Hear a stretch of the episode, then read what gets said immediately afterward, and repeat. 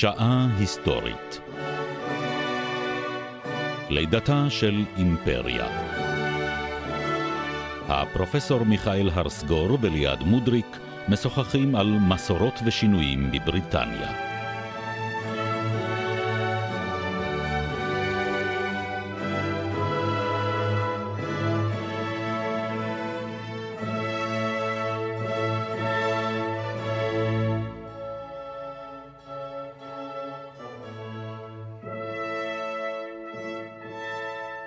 שבת שלום פרופסור. שלום.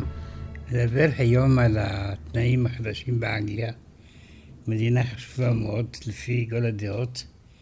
העובדה היא שהיא חשובה שארץ ישראל בחרה בה למנדט. לא בדיוק ככה, אבל התוצאה הייתה כזאת. אני דווקא זוכרת שאנשים בארץ ישראל נלחמו בכל הזמן. כוחם באנגליה כבעלת המנדט. כן, בהמשך הזמן. אבל כשהיא קיבלה את זה, כולה הייתה כולנו שמחים, מעצמה, סוף סוף המעצמה שפנתה ראשונה להרצל, והייתה מוכנה לנהל משא ומתן על הציונות. על כן זה היה סימן לבאות, סימן טוב.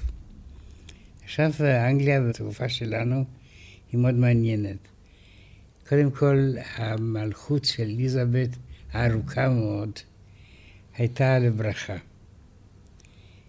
היא עמדה בראש מין לידה חדשה של התרבות האנגלית, שהסמל הוא כמובן ויליאם שיקספיר, אבל היו גם שמות רבים מאוד, שכרגע אני לא אעשה ניתוח של הספרות האנגלית, אבל הברק והעליונות האינטלקטואלית של הספרות האנגלית איננה עומדת בשאלה בתקופה הזאת. הבעיה הייתה אחרת. אמנם היא טענה שהיא רוצה להיות מלכה בתולה, אבל מלכה בתולה חייבת לחיות ולהתחתן, וזה היה מאוד קשה לה. מפני שהיא חייבת להיות בתולה, להסתפק בעצמה, ולא לחפש יחסים מחוץ לאישותה. אבל זה לא היה המקרה, כי היא אהבה גברים, ואף פעם היא לא מצאה את הגבר האמיתי, אם כי היה נסיך צרפתי, אלוקסי אלונסון, אשר היה בעשרים שנים צעיר ממנה, וגם uh, אחרי מחלה קשה שעברה עליו, פרצופו היה בלתי ניכר, הוא הייתה מין מפלצת, אבל בכל זאת הם יקיימו יחסי ידידותית, היו מנשקים זה לזאת, והיא הייתה מדברת על אדוקציה לאורסון כמו הבעל העתיד שלה. אז בעצם. מה שאתה אומר זה שהיא לא הייתה המלכה בתולה, היא פשוט הייתה המלכה הרווקה? היו לה יחסים עם גברים, היא רק לא התחתנה? כן, זה גם כן שאלה, קשה מאוד לדעת מה היה באמת. אבל היא הייתה קוקטית, כפי שאומרים בתקופה הזאת. כלומר, היא כן קיימה יחסים. והיו תקופות כשהיה גבר אחד שנחשב למאהב שלה הרשמי, למשל אסקס. Mm-hmm. אחרי זה היא רבה איתו, והיא הוציאה אותו להורג. ככה שזה לא דוגמה... זה מאוד מסוכן. כן. לריב עם מלכת אנגליה.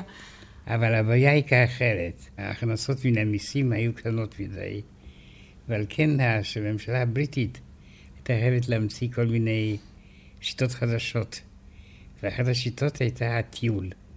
כל קיץ המלכה יצאה לטיול, והיא טיילה מעיר לעיר, התקבלה אצל גדולי העיר, חשובי העיר, החליפה את מתנות איתם, בעיקר היא נתנה מתנות קטנות, אבל היא קיבלה מתנות גדולות. אז מה, היא יצאה למסע קיבוץ נדבות. בדיוק, וזה ברור.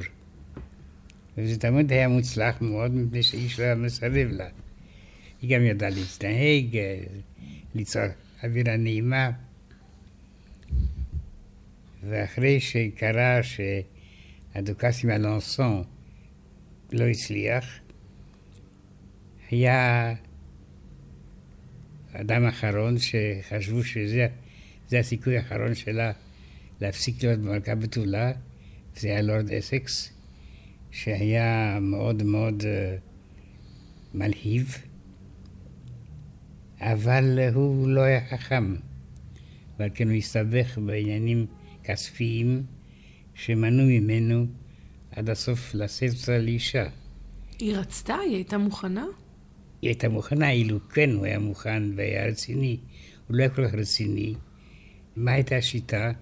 המלכה הייתה נותנת לאנשים שהיא רצה לקיים ולקדם מונופול. מה זה מונופול? מונופול זאת אומרת האפשרות למכור סחורה מסוימת בו לאנגליה ללא מתחרים. באופן בלעדי. בלעדי.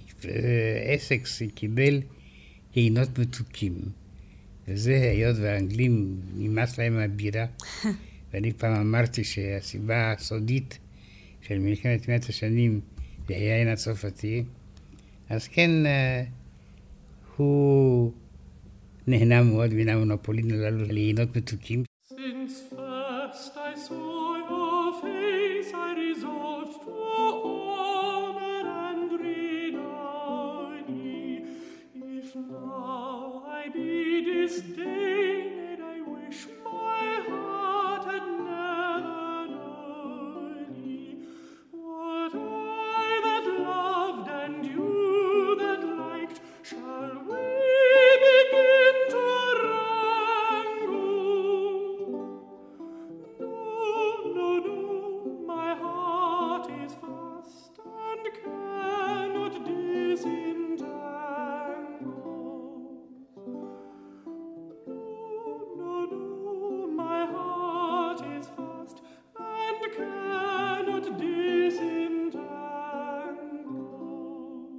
לורד אסקס, לא הצליח מפני שהוא הסתבך בריב המלכה. עד הסוף הוא הציג מחזה של שייקספיר לחבריו, אשר היה רומז שאפשר לקום נגד המלך או המלכה. התוצאה הייתה שהוא נאסר, נאשם בבגידה במלכות, והוצא להורג. זה אני רוצה להגיד לך, זה האווירה, אל תשכחי שאליזבת, כשהייתה תינוקת בת עשרה חודשים, הודיעו לה שאבא הוציא להורג את אימא. ובהנרי השמיני הוציא להורג את אן בולין. שזה כמובן מתכון לבריאות נפשית עתידית לכל החיים. בדיוק. ואחרי זה היה צורך לחנך אותה על ידי גוברננטות, כלומר על ידי מחנכות מקצועיות. לא פלא שהיא לא רצתה להתחתן בעצמה. כן, אפשר להגיד את זה. תרשה לי לעסוק בפסיכולוגיה בגרוש לרגע. אבל אה, אילו היא הייתה מוצאת אדם רציני, לכן שהייתה משנה את דעתה. והאדם הזה לא נמצא, הוא נמצא ואחרי זה התקלקל. אבל בעצם נדמה היה לי, או לפחות כפי שזה תואר תמיד במחזות, בסרטים, בספרים, נראה היה כאילו מדובר באיזו החלטה אידיאולוגית שלה. לא רק כי היא לא מצאה את הגבר הנכון, אלא שהיא לא מוכנה להתחתן, היא רוצה לשלוט, וזה מגיע ממקום פמיניסטי. זה, זה לא נכון? היא הלבישה את האידיאולוגיה הזאת, כאשר היא הגיעה למסקנה שאין לה סיכוי אנושי או אישי למצוא את הגבר הדרוש. ועד הסוף היא הצליחה באמת כאשר גססה. אז אה, כל אנגליה עצמה את נשימתה, והייתה מאוד מאוד פופולרית, דווקא מפני שהיא סירבה להתחתן, והיא זכתה למה שהיא שאפה להיות המלכה הבתולה. אם כי אני לא רוצה להיכנס עכשיו לוויכוחים מה היה האמת מה... והאמת האנטומית הזאת. אבל זה משאיר אותנו עם בעיה. אם היא הולכת לעולמה, לא נשואה, בלי ילדים, מי יירש אותה? ובכן נמצא גואל. מפני שאל תשכחי שהייתה גם מלכות שנייה באיים הבריטים, סקוטלנד. ואל תשכחי שגם שמרי סטיוארט מלכת סקוטלנד הייתה אמו של מי שיהיה טוען לכתר, ג'יימס. כן, אבל ג'יימס הראשון, שיהפוך להיות מלך אנגליה, הוא בעצם הבן... אנגליה, וסקוטלנד. אנגליה ו... וסקוטלנד. כן. הוא בעצם הבן של מרי סטיוארט, שהייתה מלכת הסקוטים, ונלחמה באליזבת, ואליזבת נלחמה בה, באמת מלחמה מכוערת, רוויית יצרים, תככים ומזימות, ובסופו של דבר אליזבת מוציאה את מרי סטיוארט להורג. רגע, רגע. קודם כל היא אוסרת אותה, וכ-20 שנה הייתה מבלה בבתי סוהר, אם כי בתי סוהר מאוד נוחים, ארמונות מלכותיים. כלובים של זהב. בדיוק. ונוסף לזה הייתה גם מקרה אחר, אדם נמרץ בשם בוסוול רצה להתחתן עם מרי סטיוארט, ואפילו בכוח חטף אותה. חטף אותה? כן, ונשא אותה לאישה. אבל אנגליה התנגדה לזה, מפני שהוא נחשב לאדם מאוד חזק, ואילו מרי סטיוארט הייתה אשתו, הזוג המלכותי הזה היה נותן לאנגליה הרבה לעשות, והייתה הצהרה צרורה. אבל הוא לא היה אביו של המלך ג'יימס. לא. מי היה אביו של ג'יימס? הוא דרלי, שהוא היה אציל סקוטי, קתולי, והוא היה אביו. וזה נתן לו מעמד חוקי לטעון לכתר של כל הארצות, מפני שאל תשכחי שבאנגליה הייתה הרגשה ששלוש המלכויות האנגליות חייבת להיות נשלטות על ידי אדם אחד. השלוש זה סקוטלנד, אירלנד ואנגליה? בדיוק. ואל תשכחי שהיה גם כוח רביעי. היה באי, זה Isle of Man, Man זה שם מאוד יפה, אי האדם, ששם היה שלטון מקומי, אבל זה היה אי קטן, לא חשוב, ולא היה נחשב לחלק המשווה את עצמו עם אנגליה, סקוטלנד או אירלנד. מה, זה אי סמוך לאנגליה? כן, כן, סמוך מאוד לאנגליה, בין סקוטלנד לאירלנד. והם רצו לשלוט בו? הם רצו, אבל uh, הם טענו שהמסורת נותנת להם אפשרות לטעון לכתר, אבל זה, האחרים לא קיבלו את זה.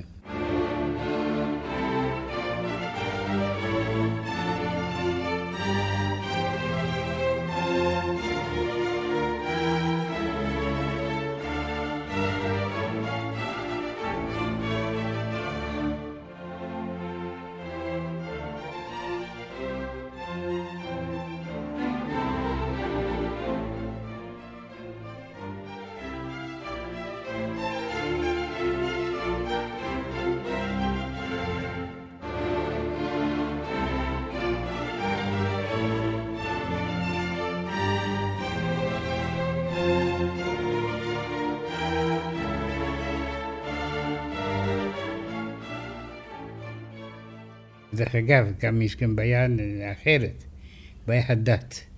אליזבת הייתה פרוטסטנטית והיא לא קנאית. וזה בא אחרי תקופה מאוד קשה, והן השמיני, מטעמים לא אידיאולוגיים אלא אישיים, קבע שאנגליה חייבת להיות אחרת, לא קתולית, כדי לפתור את הבעיה של הנישואים שלו. עם עין בולין. וכך הוא מייסד את הכנסייה האנגליקנית, שהיא כן. יותר דומה לפרוטסטנטים במהותה? כן, אבל היא לא כל אידיאולוגית. מה שעניין אותו זה להיפרד מן האפיפיור. וזה מאוד מעניין. כשהיה נסיך הוא כתב ספר לטובת האפיפיור. והאפיפיור מרוב שמחה העניק לו תואר מגן הדת. Defensor Fidei. כן. שמופיע עד היום על המטבעות האנגליות. אם כי היום המלכה בכלל לא הגנה על דת הקתולית, היום היא מלכה פרוטסטנטית, אבל היא ממשיכה להתהדר עם התואר שהכנסייה הקתולית העניקה לאבותיה לפני מאות שנים. אתה לא סתם מזכיר את העניין הדתי, מכיוון שאליזבת כאמור הייתה אנגליקנית, פרוטסטנטית, אבל מרי סטיוארט, אויבתה, שעליה דיברנו קודם לכן, היא הייתה קתולית לחלוטין, וגם הובילה מלחמת דת שמטרתה הייתה להפיל את אליזבת ואת השלטון האנגליקני. אל תשכחי שהייתה מלכת צרפת קודם לכן. אמנם פרנסואה השני, הבעל שלה, מת בגיל 18, ואז היא ויתרה על צרפת וחזרה לאנגליה. רגע, רק נעצור ונסביר. מרי סטיוארט הייתה המלכה הסקוטית. כן. אבל היא נישאה בקשר נישואים עם פרנסואה הראשון, מלך צרפת. כן, היא קתולית. ולכן היא גם הפכה למלכת צרפת. כן. אבל אז פרנסואה הלך לעולמו. כן, מהר מאוד. בדרך הטבע? כן. מה, ממחלה? בגיל 17, כן. בגיל 17? כן. איזה טבע זה? מה, מה היה לו? טוב, משהו באוזניים. משהו באוזניים? טוב. על יצחק.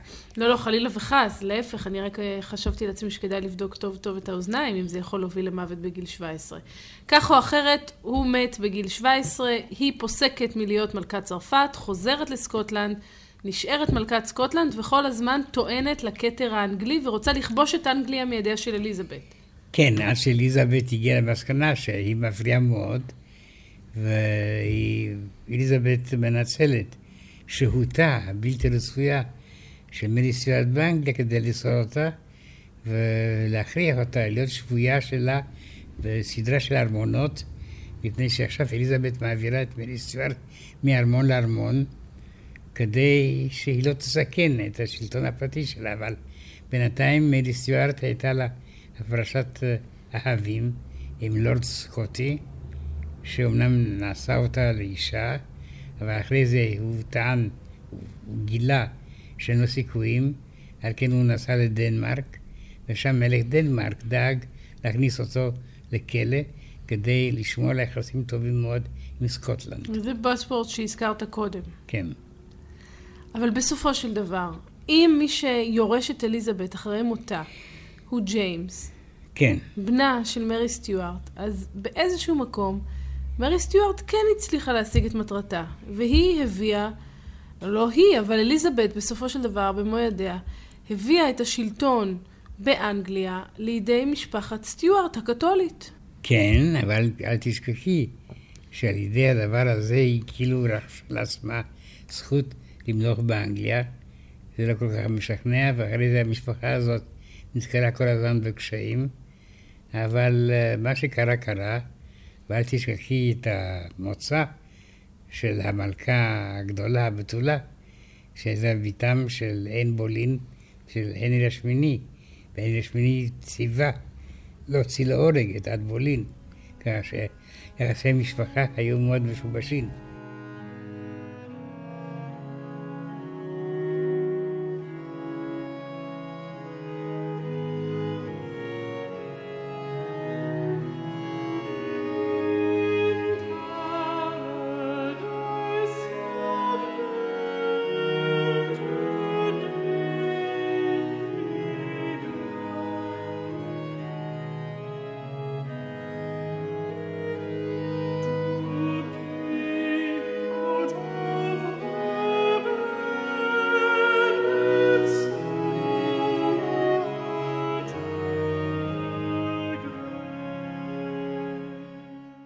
עכשיו אה, דיברתי על הקשיים הכספיים של אנגליה, ולמעשה לא הייתה שיטה. השרים האנגלים קיבלו משכורת מאוד קטנה, אבל מה שכן היה להם, היה אפשרות למינויים. מינויים שהם אנשים שקיבלו זכויות יתר פיננסיות והתעשרו על סמך זה. ככה שזה היה משטר שלא העז להגיד את שמו, מפני שהוא היה למעשה מושחת, מפני שהוא נכנע לאנשים עשירים, אבל האנשים העשירים הללו היו חיוניים לניהול המדינה, מפני שבלי השירים הללו המדינה לא הייתה מתנהלת. הפרלמנט לא היה מצביע על תקציב המדינה כפי שעושה היום, אבל כן הכל היה תלוי במתנות. בכלל זאת האווירה מאוד מאוד מושחתת. נשמע ככה. כן. בכלל לא אנגלי, hmm. אם אפשר להגיד ככה. אבל לא היה מי שבכל זאת קובע נורמות, נהלים, מנהל את אוצר המדינה? הנורמות היה מי נותן את המתנה הטובה ביותר. וכמובן, המלכה הסתפקה בזה מפני שהיועצים הכלכליים שלה אמרו לה, הנה, הנה, מתנה חשובה מאוד, מייצבת את תקציב המדינה. מה נעשה? בלי זה לא נוכל להתקיים. ואל תשכחי שיש מלחמה עם ספרד, מאוד מאוד קשה, ומלך ספרד טען שהוא מסוגל לכבוש את אנגליה, ואפילו ניסה לעשות כזה, הוא הקים צי שהייתה חייבת להביא לכיבושה של אנגליה. פיליפ השני היה קנאי קתולי, והוא לא היה מתבייש משיטות השפלות ביותר כדי להביא לניתוקה של אנגליה מאירופה ולכיבושה, אבל הוא לא הצליח. אם אתה מזכיר את המלחמה הזו, אז חייבים לתת גם את הרקע. כפי שאמרת, פיליפ השני היה קתולי, והמלחמה כולה הוצגה כמלחמת דת. הקתולים מגיעים לשחרר את אנגליה מעול הכנסייה האנגליקנית, להפוך אותה לקתולית, לכבוש אותה לחלוטין, והם שולחים את הארמדה המסוכנת ביותר, נכון? איך היא נקראה? אינבינסיבל ארמדה. הבלתי מנוצחת. בלתי מנוצח, כן. שזה כמובן לא נכון. הייתה מנוצחת. והאנגלים מנצחים באמצעות שיטה שלא נראתה קודם לכן בלחימה ימית. היה קודם כל שיטה מסוימת שאנשים שהצליחו בשוד הימי, למעשה קיבלו תביעה ממלכתית. הפיראטים. הפיראטים, כן. וזה היה תהילתה של אנגליה. כלומר, אליזבת למעשה הופכת את הפיראטים לחיילים בשירותה, ומאפשרת להם להילחם בספרדים בטקטיקות המפוקפקות שלהם. כן, ומברכת אותם כאשר הם מצליחים. ועל כן יש אידיליה. הם גיבורים לאומיים, הצילו את אנגליה, המלכה מחבבת אותה, מה טוב. אבל השיטה שבה הם משתמשים, שלה הספרדים לא ציפו, היא ספינות של אש. בדיוק. וזה היה, מאיפה ספינות על אש? היו ספינות ישנות, שמציתים אותם, והזרם היה מביא אותם אל הצי הספרדי, שפחדה. למעשה, הפלישה הגדולה של פיליפ השני נכשלה, מפני שכאשר הספינות האש התקרבו, הצי הספרדי הגדול התפזר. ואז הוא נאלץ לעקוף את אנגליה כולה, מסקוטלנד עד דרום, וכאשר פיליפ השני פגש את הצי שלו, הוא אמר לו, אחרי המפלה, אני שלחתי אתכם להילחם בני אדם, אבל לא עם איתני הטבע. זה מאוד יפה להגיד את זה, כדי לעשות את המפלה, אבל מפלה הייתה. ועל כן אנגליה הצליחה להילחם ולהציג את עצמאותה על ידי ניצחון על האויבים המסוכנים ביותר שלה.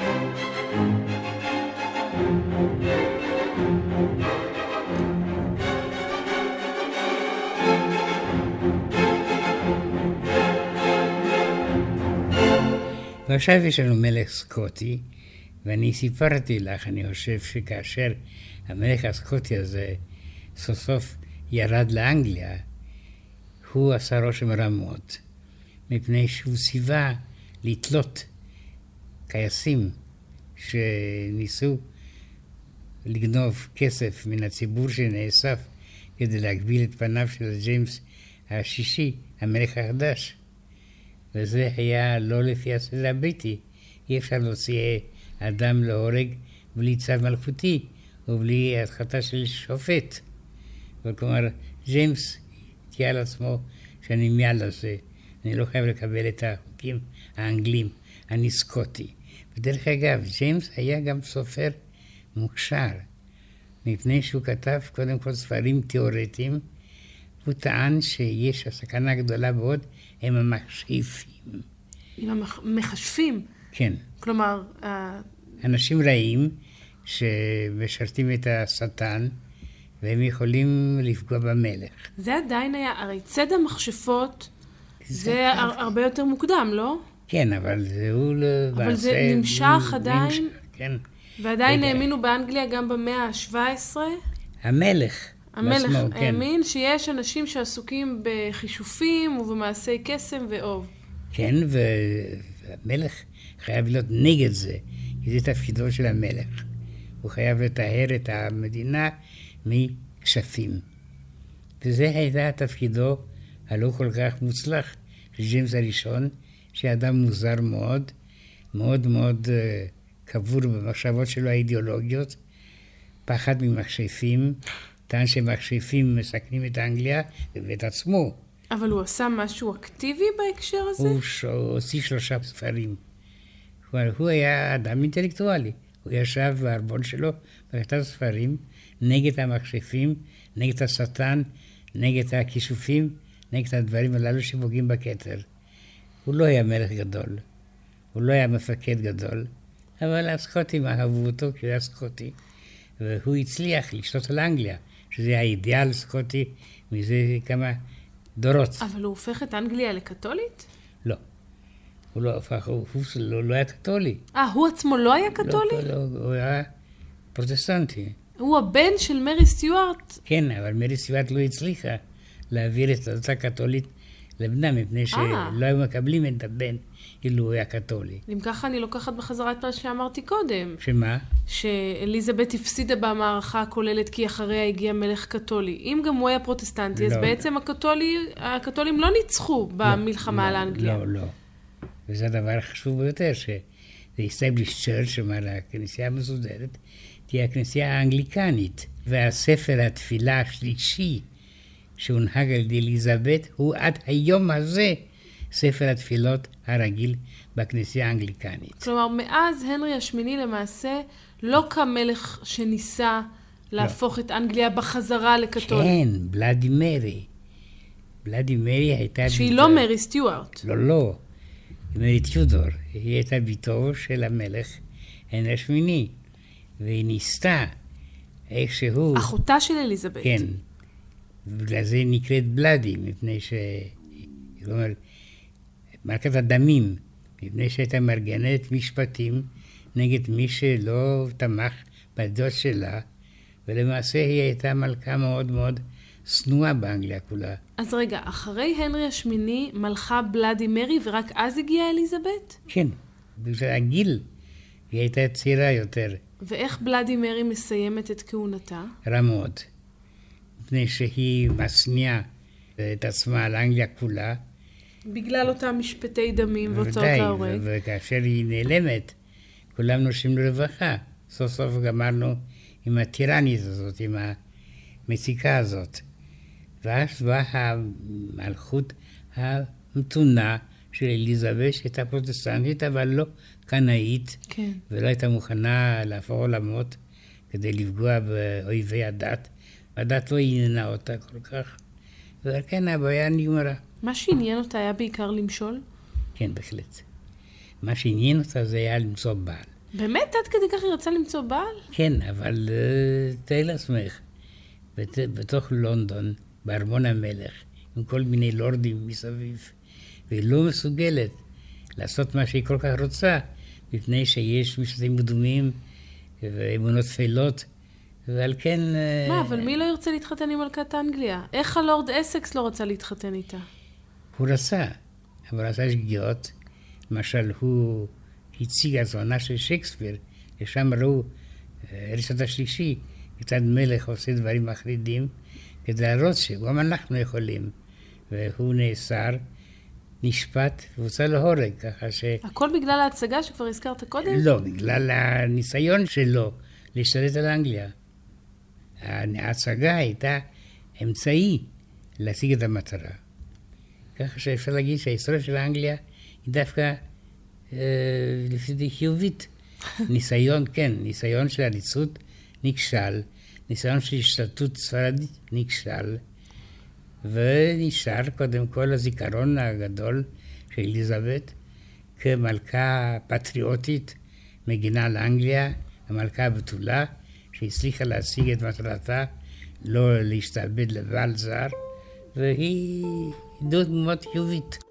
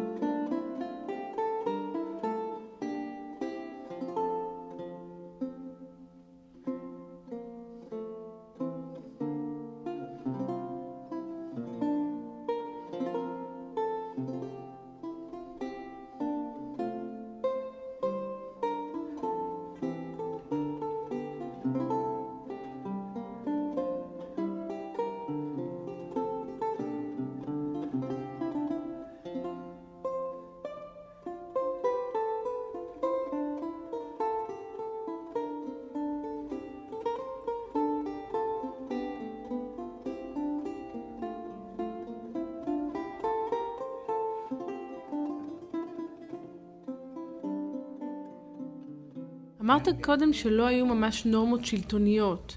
במובן כן. הזה שאפשר היה לתת מתנות ולמנות מינויים ותפקידים. כן.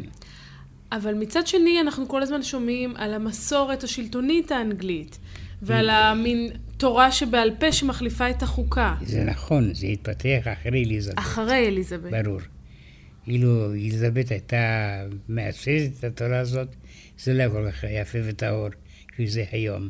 סוף סוף היו חולשות. אבל אחרי מורתה, בה התפתחה המוסר הזה, השלטוני הבריטי, שכל כך ידוע לנו עד עצם היום הזה. אבל בימי אליזבת היא הייתה מקבלת את ההחלטות, או שהפרלמנט שלה היה עושה את זה? הפרלמנט היה מאוד מאוד לא חשוב. לא חשוב. לא חשוב. היא הייתה מקבלת את ההחלטות שהיא רצתה. היא אמרה לשרים שלה להכין את הדין וחשבון הממשלתי, ככה שההחלטות תהיינה חיוביות לטובתה, וככה היא הצליחה. עד 1603 לשלוט על אנגליה. כי יש הרבה סיפורים על מלכים שלכאורה היו חזקים, אבל בעצם מי ששלט בפועל היו היועצים שלהם, השרים שלהם. אבל במקרה של אליזבת, כמה היא עצמה הייתה מעורבת בשלטון בפועל, בקבלת ההחלטות? מאוד. היא רצתה תמיד למצוא גבר, שהוא-הוא יגשים את הרעיונות שלה. למה היא לא יכלה להגשים אותם בעצמה? זה מה שהיא עשתה. סוף סוף אה, אומרת, אני אישה חלשה, עדיין לא הייתה מסורת מלכת אנגליה, עם מלכת אנגליה, כמו היום. אבל היא קבעה, היא שינתה בפועל את המצב, כן, לא? היא הייתה יוזמת.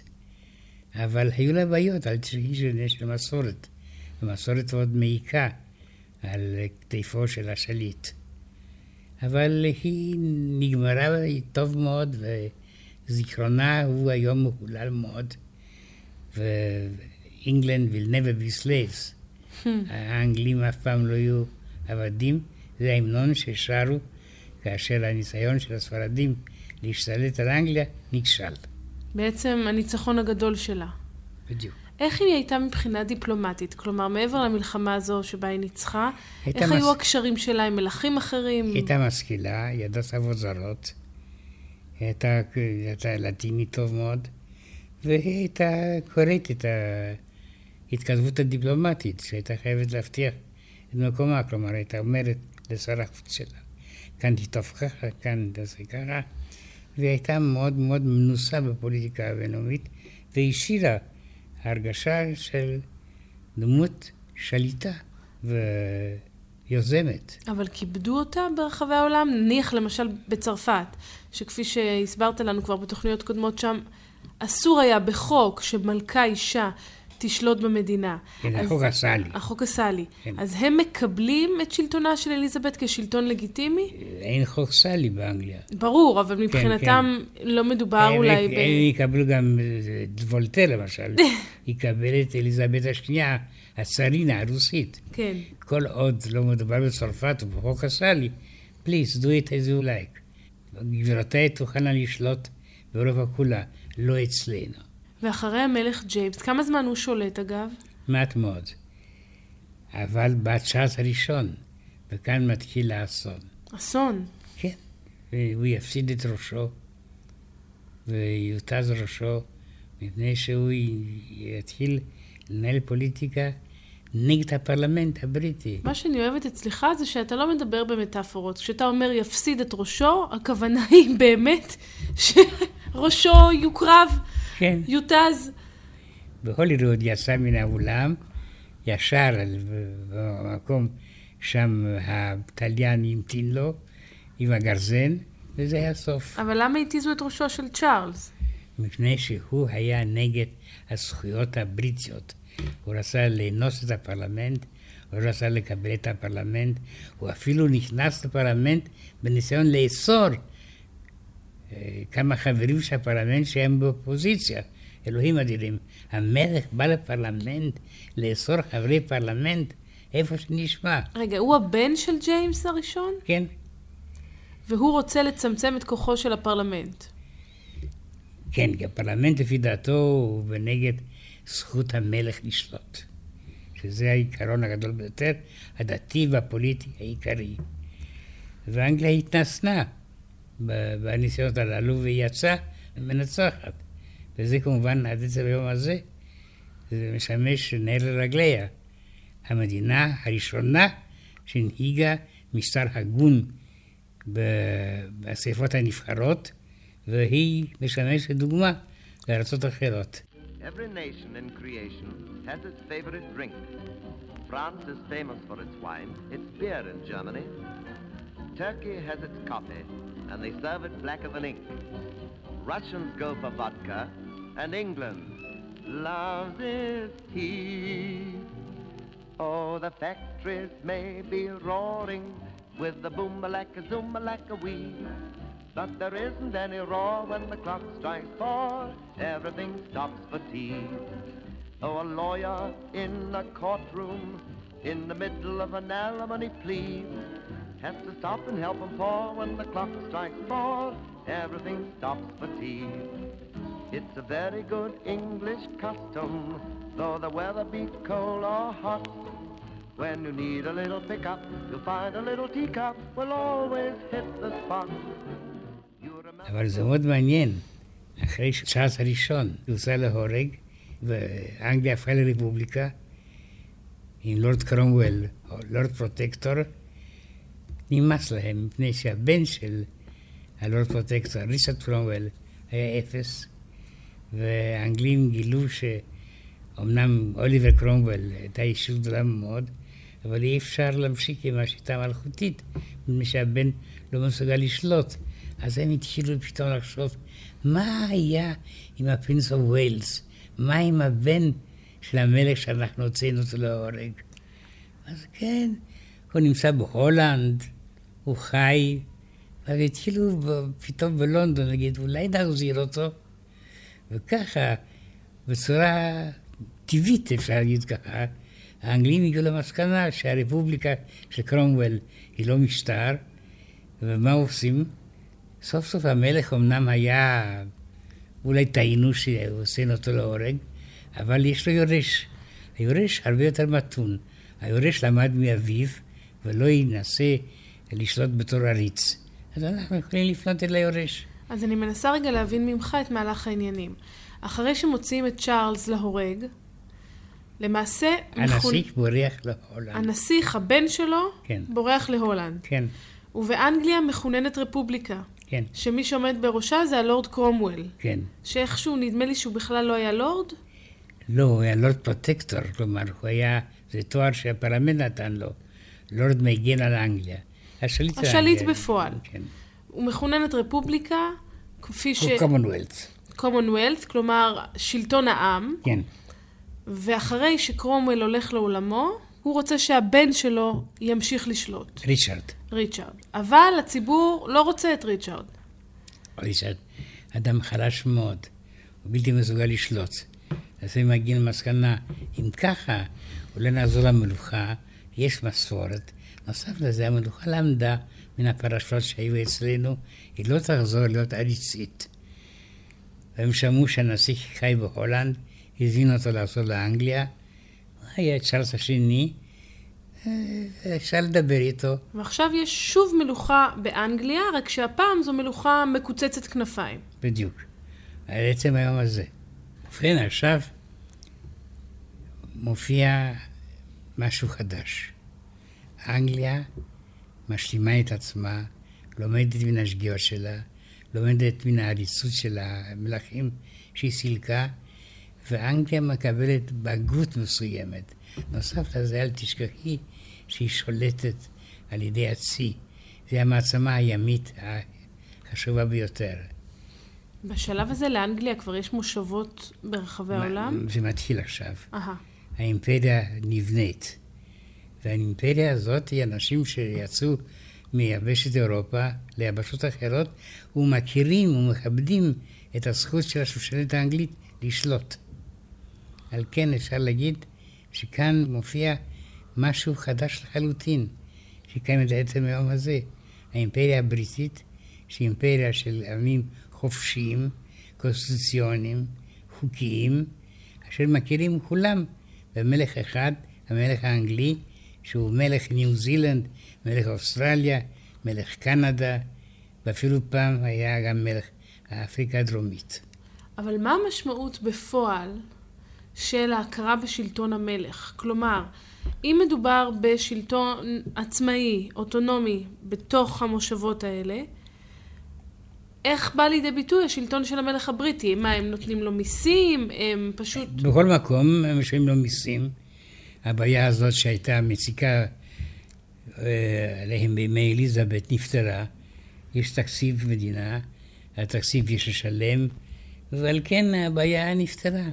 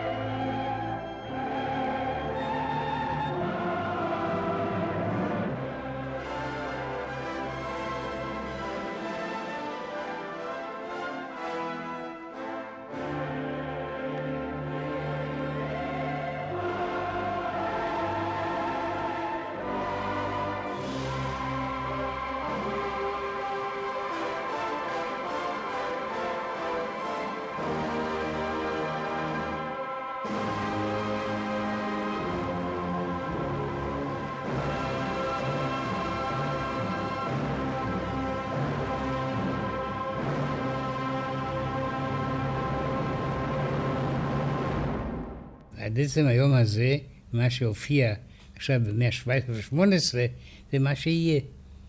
שיטה של מדינות שהן כאילו מלכותיות, אבל הן למעשה הן רפובליקות, כמו קנדה, כמו המשאבות אוסטרליה, ששם אה, המושל מציג את מלך אנגליה ושולט באופן דמוקרטי.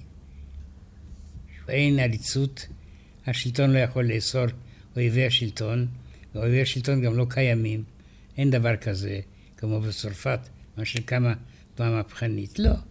כולם מקבלים את המשחק הפרלמנטרי, והפרלמנט קיים, בכל אחת מן המושבות הללו יש פרלמנט מקומי. אבל וזה... הש... המושל, השליט, הוא בריטי? הוא בריטי. או אולי הוא מקומי, שמונה על ידי המלך להיות מושל. כלומר, היו גם מושלים מקומיים. בוודאי, כן, כן. כי סוף זה אותה שפה, אותה תרבות, אותה מנטליות. אבל העובדה היא שכן היו ניסיונות התקוממות, והדוגמה הכי בולטת כמובן זה ארצות הברית. האמריקאים לא רצו להישאר בתוך המסגרת של האימפריה הבריטית. הם קמו נגד האימפריה הבריטית כדי להשתחרר, והצליחו. ומאוד מעניין שהשיטה הזאת, לא היו כל כך הרבה שפיפות דמים באמריקה, ואמריקה הצליחה להשתחרר בלי הקשיים האיומים שהיו בעבר לעמים שניסו להשתחרר. מה, לחימה? לחימה הייתה, כמובן, יש מלחמות. הייתה מלחמה, ובסוף המלחמה האנגלים הסכימו שהאמריקאים ניצחו, ועל כן הופיעה מדינה חדשה, שמוצאה הייתה גם לא קונסטיטוציונית, אלא תוצאה של מאבק אנשים חופשיים למשטר חופשי. הבריטים למדו טוב מאוד מהמהפכה האמריקאית, ולא רצו שהדבר הזה יחזור. אז זהו, זו באמת הייתה שאלתי הבאה.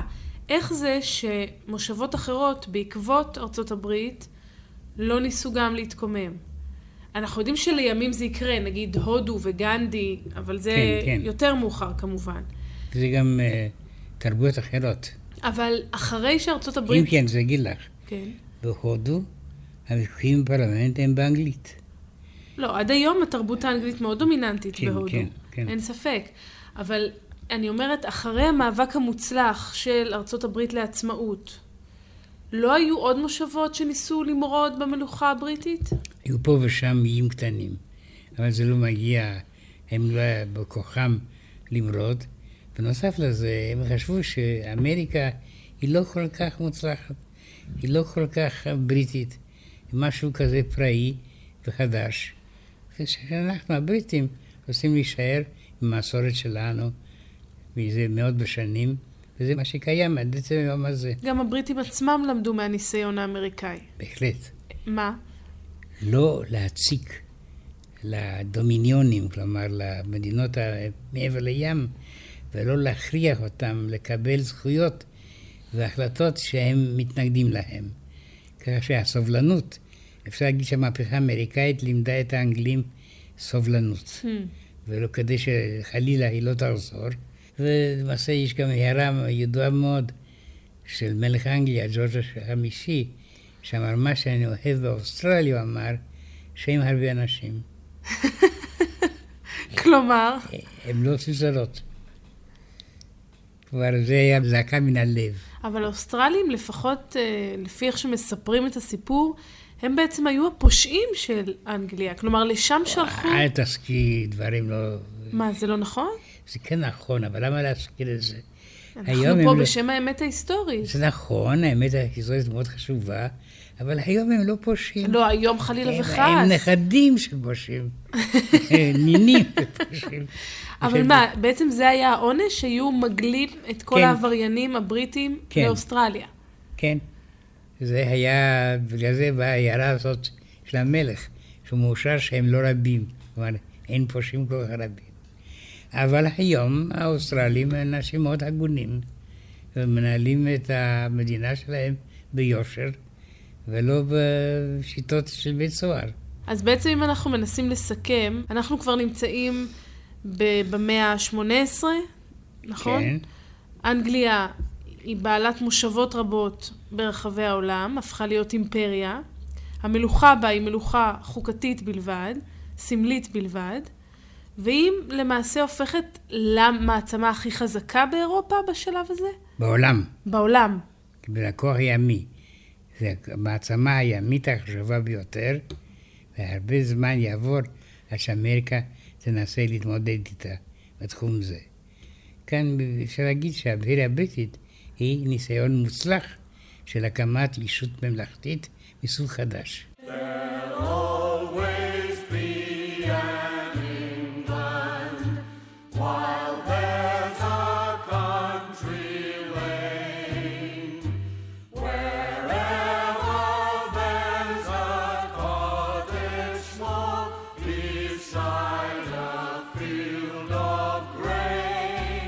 שעה היסטורית.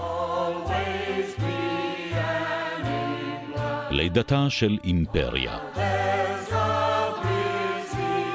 הפרופסור מיכאל הרסגור וליעד מודריק שוחחו על מסורות ושינויים בבריטניה.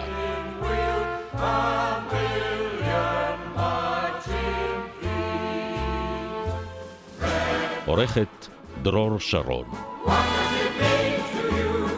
ייעוץ מוסיקלי עמליה רוזן. ביצוע טכני אופירה יעקב, עמית אפטה, עידו מרקוביץ' וגרם ג'קסון.